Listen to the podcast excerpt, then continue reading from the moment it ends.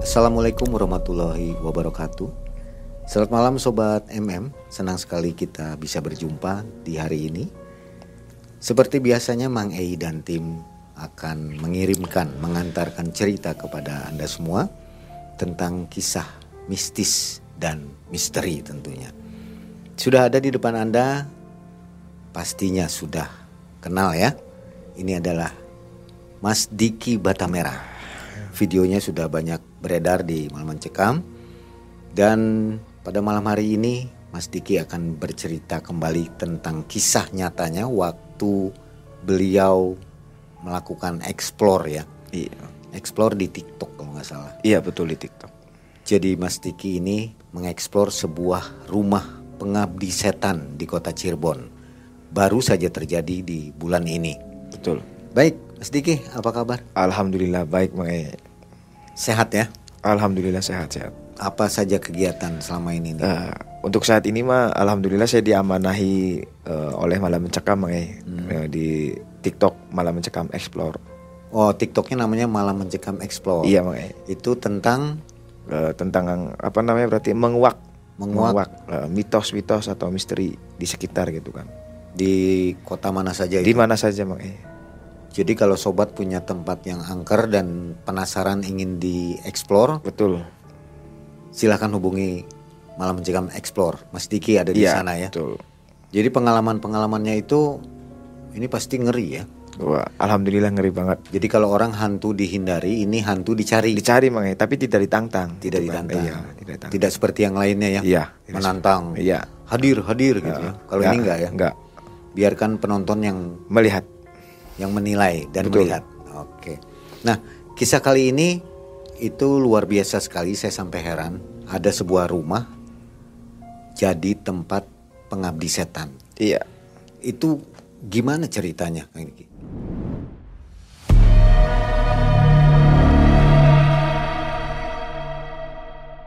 Awal-awalnya itu eh, saya kan mengeksplor ke berbagai kota gitu kan, keliling kota ke tempat-tempat angker juga yang ada di Cirebon. Jadi eh, kalau nggak salah malam apa itu ya malam minggu lah setelah eksplor itu saya lagi kumpul nih sama teman-teman lagi kumpul di daerah kota Cirebon juga memang eh, tidak masuk di akal gitu kan. Soalnya di tengah-tengah kota ada rumah pengabdi setan Itu tahu dari mana? teman lagi pada ngopi itu se- setelah saya explore kan Nah, saya kumpul di teman di warung gitulah warung warmindo kalau boleh disebut warmindo warmindo ya teman tuh berkisah atau bercerita ki di rumah ini nih kebetulan jadi eh, tetangga saya rumahnya di sini nah rumah pengabdi setan itu berselang dua rumah mang dua rumah dari rumah teman saya Di kota ya? di kota, tengah-tengah kota, di Perumnas lah daerah Perumnas itu. Nah saya ngopi ngerokok di situ, eh, teman saya tuh boleh disebut inilah Aib lah. Aib tuh mengatakan eh, Ki je, di rumah sebelah rumah saya itu berselang satu rumah. Jadi di rumah itu kalau tiap malam eh, ada sosok-sosok yang tidak tidak kasat mata tapi ada suara mang, ada suara. Kalau nggak salah dia itu bercerita satu dua tiga ada tiga kamar. Tiga kamar mang. Tiga kamar dan tiga kamar mandi dia menggambarkan lokasi rumahnya dulu sebelum saya explore gitu kan. Terus ada tempat sholat di ujung sebelah kanan rumah itu ada tempat sholat Ah, di sebelah kirinya ya eh, sebelah kirinya itu eh, kamar pembantu kamar pembantu. Dan dapur di tengah-tengah Ah, dapur di tengah-tengah. Di sini ada satu ruangan lah nggak tahu ruangan apa. Dia gambarkan gitu kan pakai eh, lisan gitu kan. Nah eh, da- di di sekitar itu eh, banyak yang terjadi kesurupan katanya. Nah kesurup orang jualan nih mang orang jualan seolah-olah diberhentikan di rumah itu tuh. Kata orang pedagang itu rumah ini nih ada penunggunya. Maksudnya bukan bukan dalam artian penunggu makhluk halus lah. Ada manusianya. Orang jualan bakso. Tok tok tok tok gitu. mang beli beli bakso gitu kan. Nah dia berhenti di situ tuh di depan rumah itu berhenti berhenti nah pas berhenti di situ dia lagi bikin eh, pesanan yang dipesan. Bang aku pesan lima mangkok gitu kan. Itu temen yang cerita bukan bukan saya sebelum saya explore itu. Uh, temen itu si mamang bakso bikin lima mangkok lima porsi. Sudah jadi mang. Mau nganterin? Lah kok rumah kosong gitu kan. Nah akhirnya mau nggak mau ya dia apa jadi bingung ngomong bakso itu. Akhirnya bagiin dah di rumah-rumah tetangga sebelahnya bagiin aja udah bagiin. Mang kenapa mang? Tadi tuh saya bisa berhenti di sini karena ada yang memberhentikan saya memesan bakso lima porsi. Nah, teman saya kebetulan teman saya kan uh, dia usahanya apa namanya uh, punya kios. Jadi punya kios minyak wangi gitu kan. Bukanya sore habis asar. Nah, kebetulan teman saya belum berangkat nih. Jadi teman saya ya menjadi saksi hidup gitu kan. Akhirnya setelah itu kata teman saya lah kok bisa seperti itu mang? Gitu kan. Kata si Aib kata si Aib itu kan. Kok bisa seperti itu mang? Nggak tahu Ib ya. Saya tadi ada yang berhentiin lah memang kan sering lewat sini sudah tahu bahwa rumah ini angker angker dan kosong gitu kan. Sudah 10 tahun mange rumah itu dikosongkan. Udah cerita seperti itu uh, mulai nih terenyuh di hati saya itu kan. Wah boleh juga nih. Karena tadi balik kembali lagi mengenai karena uh, konsep konsep malam mencekam explore yang di TikTok itu ya emangnya uh, kita itu mencari uh, lokasi atau rumah-rumah yang benar angker mang. Jadi benar angker bukan bukan angkernya dibuat-buat gitu kan. Nah karena subscriber malam mencekam dan follower di TikTok malam mencekam juga kan benar-benar orang-orang ajib lah gitu kan bukan sembarang orang mengenai akhirnya saya kan hati-hati juga dalam mencari lokasi Nah, di, di tengah-tengah itu kan saya bertanya kepada teman saya, memang rumah itu bekas apa gitu kan? Nah, dia itu akhirnya uh, mengatakan kalau rumah itu bekas dukun santet. Wah di situ kan saya mal semakin apa? Semakin menggembu makanya. Dan dukun santetnya lari ke mana gitu? Nah, dia bilang uh, dukun santetnya mah sudah meninggal, tapi keluarganya uh, tidak tidak berdiam di rumah itu lagi mungkin saking malunya ya Mang ya. Karena bukan hanya satu dua orang yang mengetahui bahwa rumah itu bekas dukun santet semua lah hampir semua. Kalau boleh dikatakan satu kelurahan lah gitu kan. Akhirnya waduh ajib nih kata saya. Cocok lah gitu kan. Nah, setelah itu hmm, saya mengatak apa saya uh, mengasih jadwal nih. Gimana nih kalau besok malam kita gas gitu kan. Malam Senin kan pesan Mang Ai kalau tiap malam Senin penonton TikTok atau penonton malam mencekam itu rame ya malam Senin. Nah akhirnya saya uh, nanya ke teman saya itu, Ip, gimana nih kalau malam Senin aja kita gas gitu kan? Boleh Ki, tapi kamu sendirian ya aku nggak berani. Nah akhirnya malam Senin itu tepat jam 8 habis isya kalau nggak salah 8 ya jam 8 setengah 9 saya datang nih janjian udah janjian sama temen datang ke rumah si Aib itu. Mana Aib rumahnya? Tuki aja rumahnya. Di pinggir jalan bang eh. Rumahnya itu di pinggir jalan dan sangat luas rumahnya. Sangat luas. Kalau uh, di kasat mata mah ini rumah masih apik loh. Masih apa masih layak pakai lah gitu kan. Saya belum berani masuk nih. Saya belum berani masuk karena kalau saya itu saya pribadi uh, buat ke siapa pun gitu kan mau ke manusia mau ke makhluk halus ya kalau saya sopan dia segan gitu kan. Saya nggak mau gerada geruduk dong resiko kan mengenai akhirnya saya ngopi-ngopi dulu nih ngopi-ngopi dulu. Pas jam 9 malam saya baru masuk. Tanpa ditunjukkan dengan apa tanpa diantar dan diberitahu jalan-jalannya sama teman saya. Saya masuk masih di halaman luar belum masuk ke rumahnya ya ada pohon kayak uh, pohon cemara gitulah. Pohon masih kecil cemara. Baru masuk ke hawa sudah berbeda mang. Hawa berbeda. Ada angin kayak bukan angin gitulah. Nabrak ke saya tuh dingin. Ces. dinginnya dingin banget pokoknya dingin banget. Uh, maju kan. Merinding udah mulai merinding. Akhirnya saya masuk. Masuk assalamualaikum. Tuh suara baru assalamualaikum. Saya masuk lewat garasi mobil. Garasi mobil ada buka sedikit segini nih saya masuk. Assalamualaikum. Duor sebelah kiri nih. Kayak uh, kan sebelah kiri uh, ruang depan ruang tamu. Cuma pintunya itu dihalangi oleh kursi. Kursi bangku bangku. Nah saya masuk mual tuh. Baru pertama masuk juga saya mual. Kan live ya mangai aku live ya live dan penonton pun ya mereka yang melihat gitu kan. Kalau saya hanya bisa merasakan di situ bahwa memang hawanya dan auranya udah gak asik nih. Baru masuk mang e. baru masuk gitu. Potongan videonya ada ya? Ada potongan videonya aku udah serahin ke apa kru mm nanti ada potongan videonya. Pas aku masuk assalamualaikum pok. Angin cus. Hawa ngap. Lanjut gak nih Kok kan sambil ngoceh kan namanya live di tiktok kan ngoceh. Gimana sobat? Lanjut gak lanjut kang aman? Oke. Lanjut masuk aku. Aku spill bangunan-bangunan yang diceritakan oleh teman saya itu benar. Aku masuk dari garasi garasi masuk ke kiri ke kiri ada dapur. Dapur. Dapurnya juga apik mang. Bisa dikatakan apiknya apa? Meja tempat mangkok piring itu sendok. Di atas ada di atas dinding. Di bawahnya ada festival tempat cuci piring juga ada. Mantap nih rumah nih. Aku masuk lagi sepil sepil sepil dulu belum berkoceh. Tapi tiap aku masuk ruangan itu merasakan yang paling parah di ujung sebelah kiri di tempat pembantunya tidur.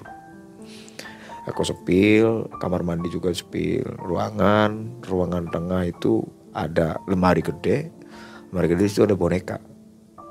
Boneka boneka. Aku spill boneka nih. Sempat mm boneka boneka apa ya? Jangan disentuh kang Diki. Bahaya katanya. Aku nggak sentuh. Nah setelah dari sebelah boneka itu ada garam. Rumah 10 tahun ada garam gitu kan. Nah, nongol lah uh, tim pantau itu Kang Suryo Mogolo yang dari Malang itu kan. Jangan Kang Diki itu garam bahaya katanya. Oh jangan diutik-utik. Itu saya setiap saya live gitu kan. Banyak tim MM atau banyak follower yang dari luar Cirebon maupun luar Bandung mang yang mantau itu kan jangan pegang boneka. Oke oke siap siap. Ini boneka kah? Dan mereka semua itu bukan manusia biasa lah kalau boleh saya katakan. Kayak Kang Suryo dan lain sebagainya gitu kan. Akhirnya saya masuk saya spill spill lah kalau bahasa TikTok spill bang. Saya, saya jelajahi saya telusuri tiap kamar tiap bang apa tiap ruangan demi ruangan tiap kamar demi kamar saya masuk masuk di sepil sepil dari ruang depan. Nah kamar sebelah ruang depan itu kamar masuk kamar mandi juga aman. Ke belakang saya sepil musola ada tempat sholat gitulah kayak aula. Saya sepil kamar belakang saya masuk mual di situ. Nah, di situlah baru rame nih baru rame. Askan Diki bahaya bla bla bla bla bla gitu kan. Tim pantau gitu kan follower. Di situ saya ngerasain mual bau bangke mau bau bangke anjir dan lain sebagainya itu saya mual sampai saya oh itu mau muntah gitu kan. Ada saya mundur kan mundur balik mundur mundur pelan pelan gitu. balik lagi tuh masih nyepil juga masih nyepil nyepil nah menurut menurut uh, follower saya yang di TikTok itu yang bisa melihat di situ pas saya mundur itu Kang awas ada nenek-nenek. Ada nenek-nenek di kamar depan sebelah kanan. Nah di situ ada kamar mandi makanya bisa kita bisa gini tuh apa namanya? Betap nah betap nah betap itu di betap itu di kamar itu tuh ada nenek-nenek. Ada saya kejar kan. Saya kejar masuk. Saya masuk. Nah pas saya sepil betap itu eh, ada sosok rambut katanya. Ada yang mainin jendela karena sebelah sini itu sebelah kiri jendela.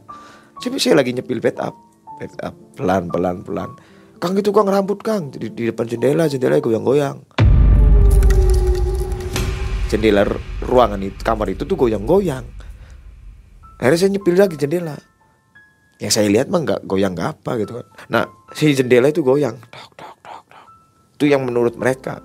Saya nggak sadar dan nggak melihat se apa ya senyatanya kalau pakai mata normal nih gitu kan. Ini kan handphone gitu.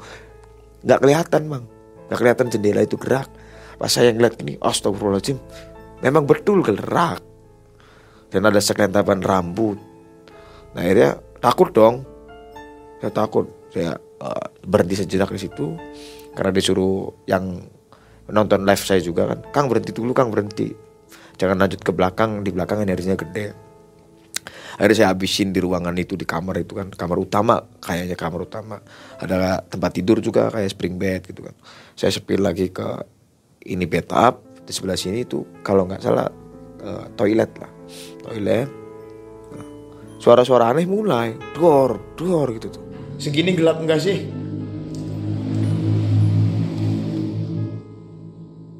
Allah Akbar, tang-tang bang, aku nggak doyan nantang, uji nyali bang, nggak boleh.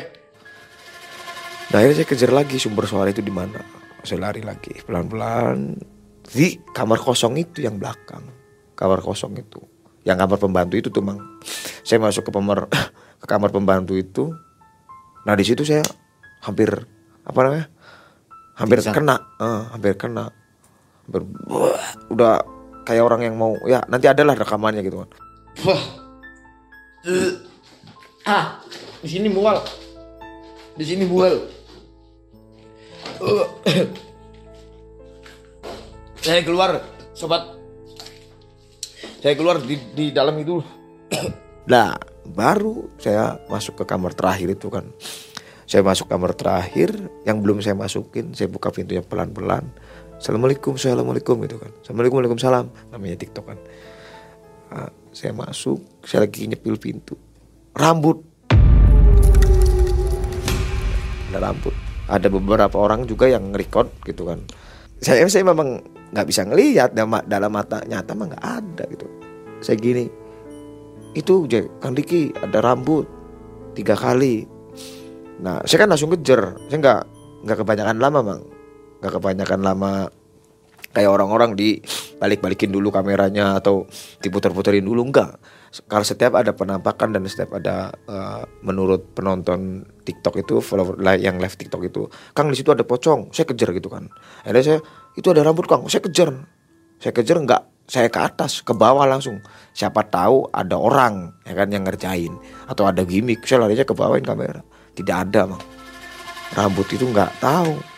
Akhirnya saya suruh mundur lagi sama Bang Ramadian Kebetulan moderator TikTok saya Bang Ramadian, Khalifa itu kan Itu orang-orang ajib lah Bang Firman yang jadi moderator Cerita si Firman, Bang Firman Ramadian itu kan Pada bisa melihat Kang Suryo juga Mundur-mundur kan, Diki mundur, bahaya Kemundur kan, mundur Stay camp Kang Nah pas saya mau stay camp Saya nyepil kan Di situ itu ada Aduh Apa namanya, kain kafan kain kafan, ada tempat pembakaran menyan, Bang. Ada peci haji, tasbih juga, dan ada bunga tujuh rupa yang sudah mungkin sudah saking lamanya. Jadi sudah tidak berbentuk bunga lah, Bang. Warnanya udah pada hitam-hitam gitu kan. Sama satu buntelan. Buntelan tuh bahasa Indonesia apa ya? Bentuk kayak pocong. Nah, bentuk kayak pocong itu satu di situ. Ih, astagfirullahaladzim. Nah, di situ saya ditahan sama Kang Suryo. Ini saya mendekatkan nih, jangan Kang Diki, jangan berbahaya. Nah orang-orang juga yang berkomentar di situ, jangan Kang, jangan Kang. Nah, akhirnya saya stay camp kan, saya ngedekatin. Stay camp itu berarti uh, standbyin kamera, handphone saya tinggal, gitu kan. Sampai dikasih penerangan, saya mendekati uh, lokasi itu kan, si kain kafan, tempat bakar menyan, kembang tujuh rupa, apa namanya sisir, tasbih sama peci haji. Bisa dikatakan peci haji karena pecinya warna putih. Akhirnya saya mendekati tempat itu yang saya lakukan apa? Saya banting bang. Wah, gitu kan. Banting tempat bakar menyan. Wah wah bahaya kan Diki bahaya. Nah saya lagi mau membuka eh, si bingkisan pocong itu. Menurut follower yang saya live itu di belakang handphone saya itu ada suara gereman geraman. Geraman singa atau geraman apa lah. Saya kan sambil ng- ngelihat ke kamera ya. Ini sobat nih pocongnya. Buka kang buka kata kang Suryo. Buka aja. Ya, saya buka satu-satu. Baru buka tali satu. Buor lagi ada ada geraman lagi.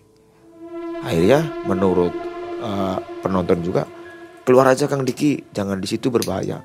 Akhirnya saya keluar kan lari bawa kakas itu saya lari ke tengah-tengah di pertama kali saya masuk itu di meja yang eh, jadul lah meja tipping tahu meja apa gitu kan. Yang ada boneka yang ada garam tadi bang di situ saya simpan kamera apa simpan HP simpan center saya buka di situ saya buka pelan-pelan. Ya memang di situ ada interaksi juga. Kang Diki itu di eh, sebelah kanan kalau nggak salah. Di sebelah kanan Kang Diki ada nenek-nenek berjalan. Saya kan mana nggak ada? Gitu. apa sembari membuka itu tuh jadi banyak gangguan-gangguan bang ya. Saya memaksakan itu asli merinding banget asli. Asli merinding banget. Pun belakang berat gitu kan cuma saya diberani apa beraninya bohongan lah berani beranian gitu kan. Diberaniin gitu kan. Akhirnya dibuka pelan-pelan. Ternyata di dalamnya itu bukan foto orang bukan apalagi itu uh, pelepah pisang atau apa. Di dalamnya itu menurut Kang Suryo rajaan. Entah itu rajaan itu apa. Nah, rajaan. Dibu, dibuka lagi nggak? Apa sebat mm misalnya kan kalau di tiktok itu. Buka lagi aja kang. Buka lagi itu jadi si kain kafan yang buat bungkus itu saya simpan uh, tali talinya juga saya kumpulin buka tuh saya. Buka pelan pelan saya buka ya kotak segini lah saya buka pelan pelan saya lebarin gini kan di Kang Suryo di handphone gitu kan. Wah bakar aja itu bakar Kata penonton bakar. Gak apa-apa nih aman nih kata aku kan. Aman-aman kan Diki aman. Oke lah kalau aman. Kalau aman gak apa-apa nih aku bakar Nah di, di setelah itu ada duit mang. Jadi di bingkisan si Rajan itu ada duit 200 perak kalau nggak salah. Nongol duit simpen. Oh ya duitnya jangan dibawa. Ada yang bilang Nanti uh, ngefek ke rumah katanya. Ya si Rapal itu karena di TikTok kan nggak boleh mainan api ya. Nggak kayak di YouTube. Nggak boleh kelihatan api dan lain sebagainya gitu kan. Akhirnya gimana nih sobat MM bakar nggak? Akhirnya bakar aja bang Diki. Akhirnya saya bakar saya kan perokok mang. Penguding penguding doyan uding jadi selalu bawa rokok apa bawa korek kan. Ini saya bakar tuh nah saya bakar pelan pelan udah, udah selesai dibakar saya senterkan abunya. Terus sobat MM abunya aman gak nih? Aman. Saya set, apa uh, baru pertama kali mang penelusuran di rumah rumah itu kan sangker itu kan. Baru di situ doang sering nanya aman gak nih? Aman gak nih? Soalnya langkah-langkah yang saya rasakan di situ tuh kayak ada yang mantau. Akhirnya setelah saya bakar terus saya bakar itu saya tutup kumpulin kembali kan abu-abunya jangan ngotor lah jangan ngotor. Saya beresin dah saya take off. Nah dari sini bang eh mulai ada gangguan-gangguan dari sini.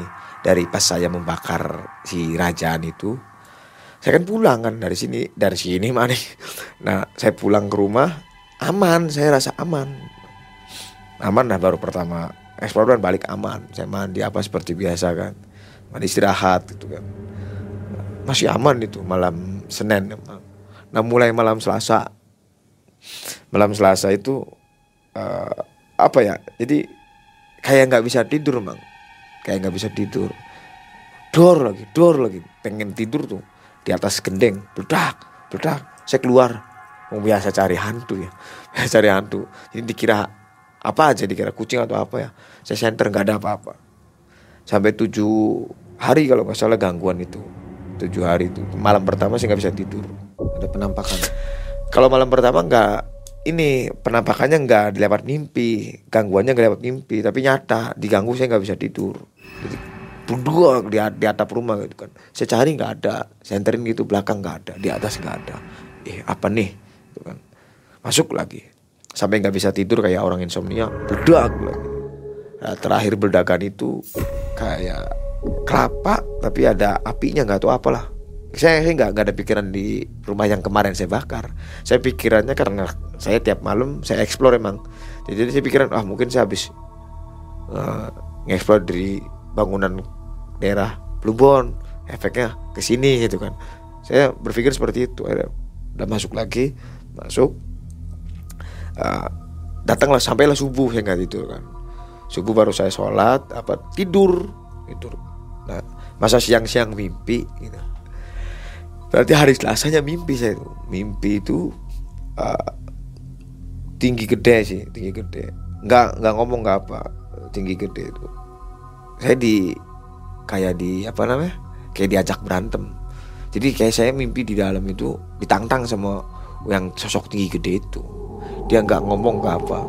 Gak tahu tuh bangsa bangsa jin kok nggak bisa ngomong kan. Saya berantem di mimpi itu.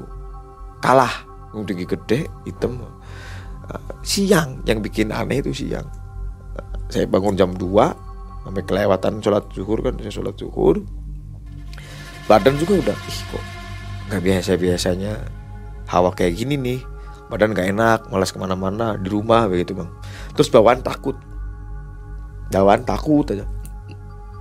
Kayak yang uh, kayak kayak yang apa saya itu ada punya salah orang gitu tuh bang perasaannya begitu doang loh jadi gelisah gelisah. Nah pas malam kedua malam kedua itu ada suara tanpa rupa. Kamu ikut campur. Apa saya itu tidak punya masalah dengan kamu? Kenapa kamu ikut campur? Ikut campur apa jadi mimpi itu setengah-setengah mimpi itu setengah-setengah. Jadi sosoknya udah bukan kuntilanak wewe pocong yang biasa apa namanya jin-jin yang berkeliaran di cerita orang-orang gitu kan. Nah ini mah lebih ke empat dimensi kalau dinyatakan. Jadi berwujud manusia mimpi itu. Nah dari situ ya ikut campur apa ya? Saya masih berpikiran seperti itu Masih mikir saya ikut campur apa nih? Saya punya masalah ke siapa nih Nah ketiga harinya sama seperti itu. Cuma sosoknya itu uh, sama seperti yang diceritakan oleh orang tua. Si Aib itu mang sosoknya itu. Jadi uh, se, se, apa uh, berjenggot kayak Abah Yudi jenggotnya. Abah Yudi yang yang host MM Abah Yudi. Cuma tingginya kayak Abah Jampa apa Abah Japar. Tingginya si Abah Japar jenggotnya lebat kayak Abah Yudi. Pakainya hitam-hitam bang eh. Tinggi banget orangnya pokoknya mirip kayak Abah Japar lah tingginya. Tapi yang saya lihat wajahnya emang gak kelihatan. Cuma kelihatan jenggotnya doang. Malam ketiga dia itu datang sama ajudannya empat. Ajudannya empat di dalam mimpi. Ajudannya itu laki-laki dua perempuan dua. Tapi rata tanpa muka. Ditarik lah saya tuh keluar. Yang aneh kok orang yang di rumah diem aja saya ditarik sama empat bodyguard itu. Dua laki-laki dua perempuan. Saya ditarik saya dinaikin kayak ke kereta gitu. Bukan kereta api kereta kencana kan. Dibawa sama si ajudan itu tuh. Dibawa bawa kanan kiri hutan belantara. Nggak ada rumah-rumah nggak ada. Yang ada tuh rumah saya doang gitu kan. Saya ingatnya di situ. Kan senyatanya kan dari rumah saya ke, ke lokasi itu melewati beberapa swalayan ya kan? Beberapa pasar secara logika. Kenapa itu kok jalanan lurus? Nggak ada apa-apa kanan kiri tidak ada rumah tidak ada Alfamart Indomat gitu kan. Dan itu kosong mah jalan kayak jalan tol lah. Nah saya dinaikin kereta kencana masuk ke rumah yang kemarin saya explore situ bro saya kayak seolah-olah disiksa gitu kan. Dari situ ditanyain kenapa kamu ikut campur? Kata si yang apa capar lah kita boleh dikatakan apa capar aja nggak apa-apa. Apa capar sorry apa capar kata apa capar kamu kenapa ikut masalah uh, dengan saya gitu kan cari masalah dengan saya. Dan saya kan bilang aplong oh ya masalah apa nih? kata saya tuh. Kamu ya sudah memporak-porandakan rumah ini ya. sudah merusak sesajen terus merusak uh, pendeman saya gitu kan tahanan saya kenapa kamu lepaskan? katanya saya diikat posisinya kayak dipasung diikat sama dua ajudan itu yang laki-laki dan perempuan diikat gitu kan. Cepat cerita saya dilepasin lagi tapi lepas begitu bangun tidur badan lelah badan lelah wah, panas dingin badan tuh kan tapi yang aneh itu tidak ada gangguan kayak kuntilanak pocong wewe gombel apa wowo nggak ada jadi saya lebih ke bahwa makhluk itu makhluk halus itu menjelma seperti manusia pada umumnya. Nah malam keempat saya kayak di bawah di tengah-tengah alas lagi itu memang sama seperti kayak Abah Japar bentuknya itu kan. Nah di situ saya nggak bisa apa-apa, saya nggak bisa apa-apa di situ, udah nggak bisa apa-apa, udah lemah lah lemah lelah gitu kan. Di, saya sampai sampai saya menanyakan ini masalah saya apa dengan anda? Kenapa anda apa selalu hadir di mimpi saya? Saya kan ngomong gitu kan ke dia. Udah kamu jangan banyak bicara. Kamu itu udah melepaskan tahanan saya. Tahanan yang mana? Kamu membakar uh, apa yang sudah saya tahan apa tahan gitu kan. Kamu sudah melepaskan tahanan saya dari ikatannya dari incaran saya selama saya hidup gitu. Oh. Dari situ saya baru aduh ini nggak nggak main-main nih. Akhirnya saya uh, memberanikan diri dah. Di perjalanan saya kan ke guru saya gitu kan. Ke Pak Ustadz gitulah ke Pak Kiai Pak Kiai. Saya cuma diwejangin kata Pak Kiainya udah Ki kamu eh, ngelakuin ini aja sholat eh, tiap malam nih jam 11 setelah explore saya sholat hajat gitu kata dianya. Nah sambil wirid ini nih dikasih wiridannya. Wiridannya biasa Anas Al Falak nah akhirnya di situ empat hari tiga hari saya sakit. Dan tiga hari saya pengobatan. Jadi tiap tiga malam saya nggak pernah tidur. Nggak pernah tidur. Saya setelah explore setelah explore nih jam 11 jam 12 saya lari ke guru saya. Di situ karena kata guru saya udah jangan tidur lagi. Cuma tiga hari. Tiga hari full saya nggak tidur. Karena buat menghindari teror itu. Nah, di situ kan saya mulai berbenah berbenah. Sudah tiga hari alhamdulillah. Makanya saya bisa main ke Bandung ke studio MM saya badan udah fit. Sebelum main ke sini pun saya kan balik lagi ke temen saya yang saya apa yang ceritakan tempat referensi tempat. Saya ngobrol ke situ ada orang tuanya. Uh, ip hari ini tuh rumah bekas? Apa sih? kata saya tuh. Nah orang tuanya mang yang ngomong tuh. Jadi dulu itu rumah ini rumah bekas dukun. Nah dukunnya itu pengabdi atau mengabdi mengabdi kepada setan kepada jin ya kalau yang sekarang kan lagi viral pengabdi setan. Kalau seaslinya itu pak mereka dia itu pengabdi jin. Jadi dia itu mengabdi jin. Lah kok mengabdi jin gimana kan? Ya akhirnya saya ngobrol tuh sama orang tua teman saya. Jadi kebanyakan di masyarakat pada umumnya kita itu memperbudak jin itu kan. Tapi senyatanya tidak mang. Jadi kayak mang E lah mang E. Mang E punya jin misalkan. Ber apa mengabdi ke jin ya pikiran mang E itu mang E menaklukkan jin tapi senyatanya Mang Ai yang ditaklukkan oleh jin. Nah dukun santet itu seperti itu Mang. Dia itu ditaklukkan oleh jin, bukan jinnya yang ditaklukkan oleh manusia. Lah kok gitu? Iya Ki, jadi buat ente nih, buat ente. Akhirnya kan ada pesan ke saya, eh, nggak e, usah bermain jin. Nah kata kata saya nanya nih, ini nih udah berapa korbannya, Pak? Gitu kan. Pak Heri namanya bapaknya, Pak Heri, bapaknya si Aib itu namanya Pak Heri. Kalau dihitung yang kelihatan mah udah ada 20 sampai 25 orang. Nah, tapi yang nggak kehitung nggak tahu berapa. Kebanyakan korbannya dari mana kata saya tuh. Kebanyakan korbannya dari luar. Nah, jadi korban yang meninggalnya gitu tuh mang dari dari luar. Jadi kemarin-kemarin mah ada yang bisa ngeliat di sini juga. Di sini tuh banyak ki, bukan bangsa jin doang. Jadi uh, orang mati yang kena santet gitu tuh mang. Jadi yang meninggal itu konon kata orang ngerti di situ kan ya bukan golongan Samsu lah bukan golongan Samsu super bukan. Nah kalau dikata dia itu uh, matinya tidak sempurna. Kalau orang Cirebon bilang mati kesaran. Matinya karena ada sebab dan sebabnya disebabkan oleh manusia. Uh, disantet itu. Jadi yang meninggal itu kumpul di situ mang. Nah yang saya buka itu dia itu pernah diminta buat menutup usaha. Kayak Mang E punya usaha misalkan uh, jualan nih sembako. Rame nih Mang E saya pesaingnya. Saya datang ke dukun itu. Nah, gimana nih saya mau uh, mematikan usaha mang? Eh akhirnya yaudah kamu beli ini ini ini, ini kata dukunnya ke saya tuh. Kamu beli ini ki beli kembang tujuh rupa beli telur ya kan? Beli kain kafan satu meter persegi. Nah setelah itu dia bikin. Jadi si rajaan itu dan duit itu tulisan tangan si dukun mang Nah, itu kan saya kan pas live juga kan Kang Suryo itu mudah mengatakan. Coba saya kan Kang Suryo kan cuma live apa lewat TikTok doang. Itu Kang Diki itu mah uh, ada orang yang datang ke situ meminta untuk uh, pesaing usahanya biar usahanya mati gitu, Mang.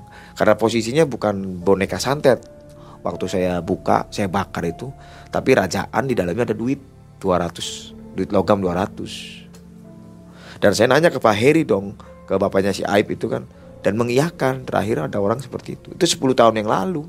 Pasien-pasiennya sepertinya orang-orang berduit ya? Iya kebanyakan itu. Kalau lihat dari rumahnya itu ya? Iya.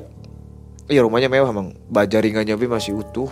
Cuma banyak karena plafon pakainya plafon plafonnya nggak kuat. Tapi baja ringannya mah keren. Warga setempat jarang yang mau dekat ke rumah itu? Nggak ada mah nggak ada. Selalu ada gak, kejadian ya, ya. di depan itu kan di pohon cemara cemara kayak kayak yang kemarin itu kan sudah ada men yang menunggu saya itu sosok perempuan katanya. Itu memang ya ajib lah pokoknya uh, di malam mencekam explore tiktoknya itu saya ajib sih bener-bener dapat pengalaman. Karena yang mantau saya itu orang-orang yang istimewa gitu. Nggak dijual aja itu rumahnya? Nggak ada yang laku. Kemarin juga udah ditawar-tawarin nggak ada yang laku nggak ada yang mau. Oh, udah ditawarkan. Udah ditawar-tawarkan sama anak anak istrinya udah ditawar-tawarkan, nggak ada yang mau. Dan nggak ada yang bakal beli nggak ada. Soal soalnya kan sudah tahu kisah awalnya seperti apa. Sobat MM, kisah yang sangat menarik dari Kang Diki ini. Kang Diki ini selain seorang pemakan bata, Hmm.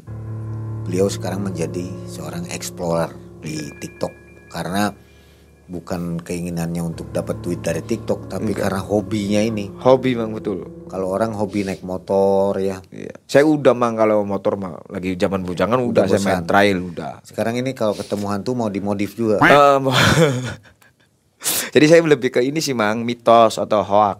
Ya.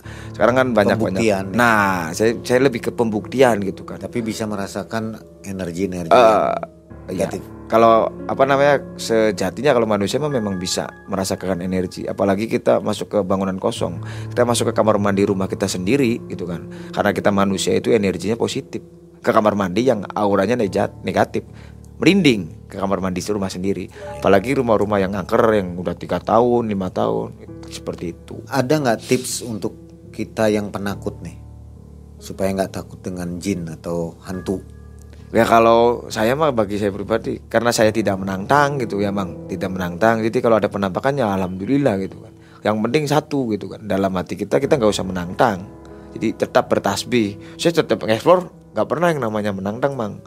Nah buat buat sobat mm yang yang penakut gitu kan. Simple ya atau, atau eh, dengan cara sugesti. Sugesti. Sugesti kita itu jangan terlalu ke hantu lah sugestinya jangan ke hantu-hantu. Itu relax aja relax. Pengen rumah kosong pengen makam kosong gitu kan. Pengen hantu pengen ada jin gitu. Karena manusia dan jin kan hidupnya ya harus dewek-dewek berdampingan tapi sendiri-sendiri kan. Seperti itu sih bang kalau menurut saya mah Jadi jangan begitu takut gitu. iya jangan tersugesti gitu kan. Kalau takut mah ya takut mah. Santai aja. santai Bang. Gimana mau santai kalau wajahnya serem penampakannya? Tapi kalau aslinya mah nggak nggak bakal ada yang bisa menampakkan secara eh, nyata, secara real. Sebab menurut apa dunia para hantu, dunia para hantu bang ya. Saya kemarin settingan sih sama sama si kuntilanak itu. Mereka juga sial bang kalau terlihat oleh manusia gitu. Termasuk tertangkap kamera. Nah tertangkap kamera pun sial. Dia disidang mereka juga. Terkecuali hantu-hantu yang suruhan gitu kan, yang jalan-jalan mengkol-mengkol pesugihan itu beda. Kalau hantu liar dia malah dimarahin gitu. Oh, kalau hantu untuk santet-santet atau pesugihan itu beda ya. Beda, itu malah disuruh. Memang harus menampakkan. ya. Harus menampakkan dan harus mengganggu. Oke, Kang Diki. Terima kasih kisah nyatanya. Nanti kita akan coba nonton penelusuran di TikTok Kang Diki. Apa tadi namanya? Malah mencekam explore. Explore. Jadi sobat yang ingin melihat aksi dari Kang Diki silakan ke Malam Pencekam Explore kita tonton aksinya Kang Diki yang spektakuler. Referensi juga mang, referensi, Referensi, ya. tempat. Nah, barangkali mau pesan teman-teman yang ada tempat Ya, ya Pak, oke. Assalamualaikum Waalaikumsalam. Kak TikTok mang. Assalamualaikum Waalaikumsalam. Udah jawab dulu. Wah, buat sobat-sobat malam mencekam eh, di mana aja berada nih. Kalau ada tempat yang dilengguhkan atau dikatakan mitos, angker bisa DM ke atau bisa komen di video saya yang sekarang ya. Dengan syarat, dengan syarat dan dengan catatan mang. Saya nggak bermain di makam keramat dan makam muslim. Makam-makam muslim itu makam agama saya sendiri agama Islam gitu kan dan yang ketiga perizinannya juga kira-kira perizinannya udahlah dikasih uding gitu kan ya dikasih diizinkan tapi diizinkan pun jangan dibisniskan mang jangan masuk ke bangunan kosong ki ini misalkan di kini ada bangunan kosong berapa masuknya 3 juta weh dan lu 3 juta kan jangan seperti itulah yang kira-kira uding-uding aja dah dan kita cari hantu bukan cari wisata gitu kan Bang. itulah Oke. Demikian kisah dari Kang Diki. Terima kasih telah menonton hari ini. Jumpa lagi di video selanjutnya. Insya Kang. Diki menunggu di TikToknya. siap Saya Mang Ei dan tim undur diri. Assalamualaikum warahmatullahi wabarakatuh.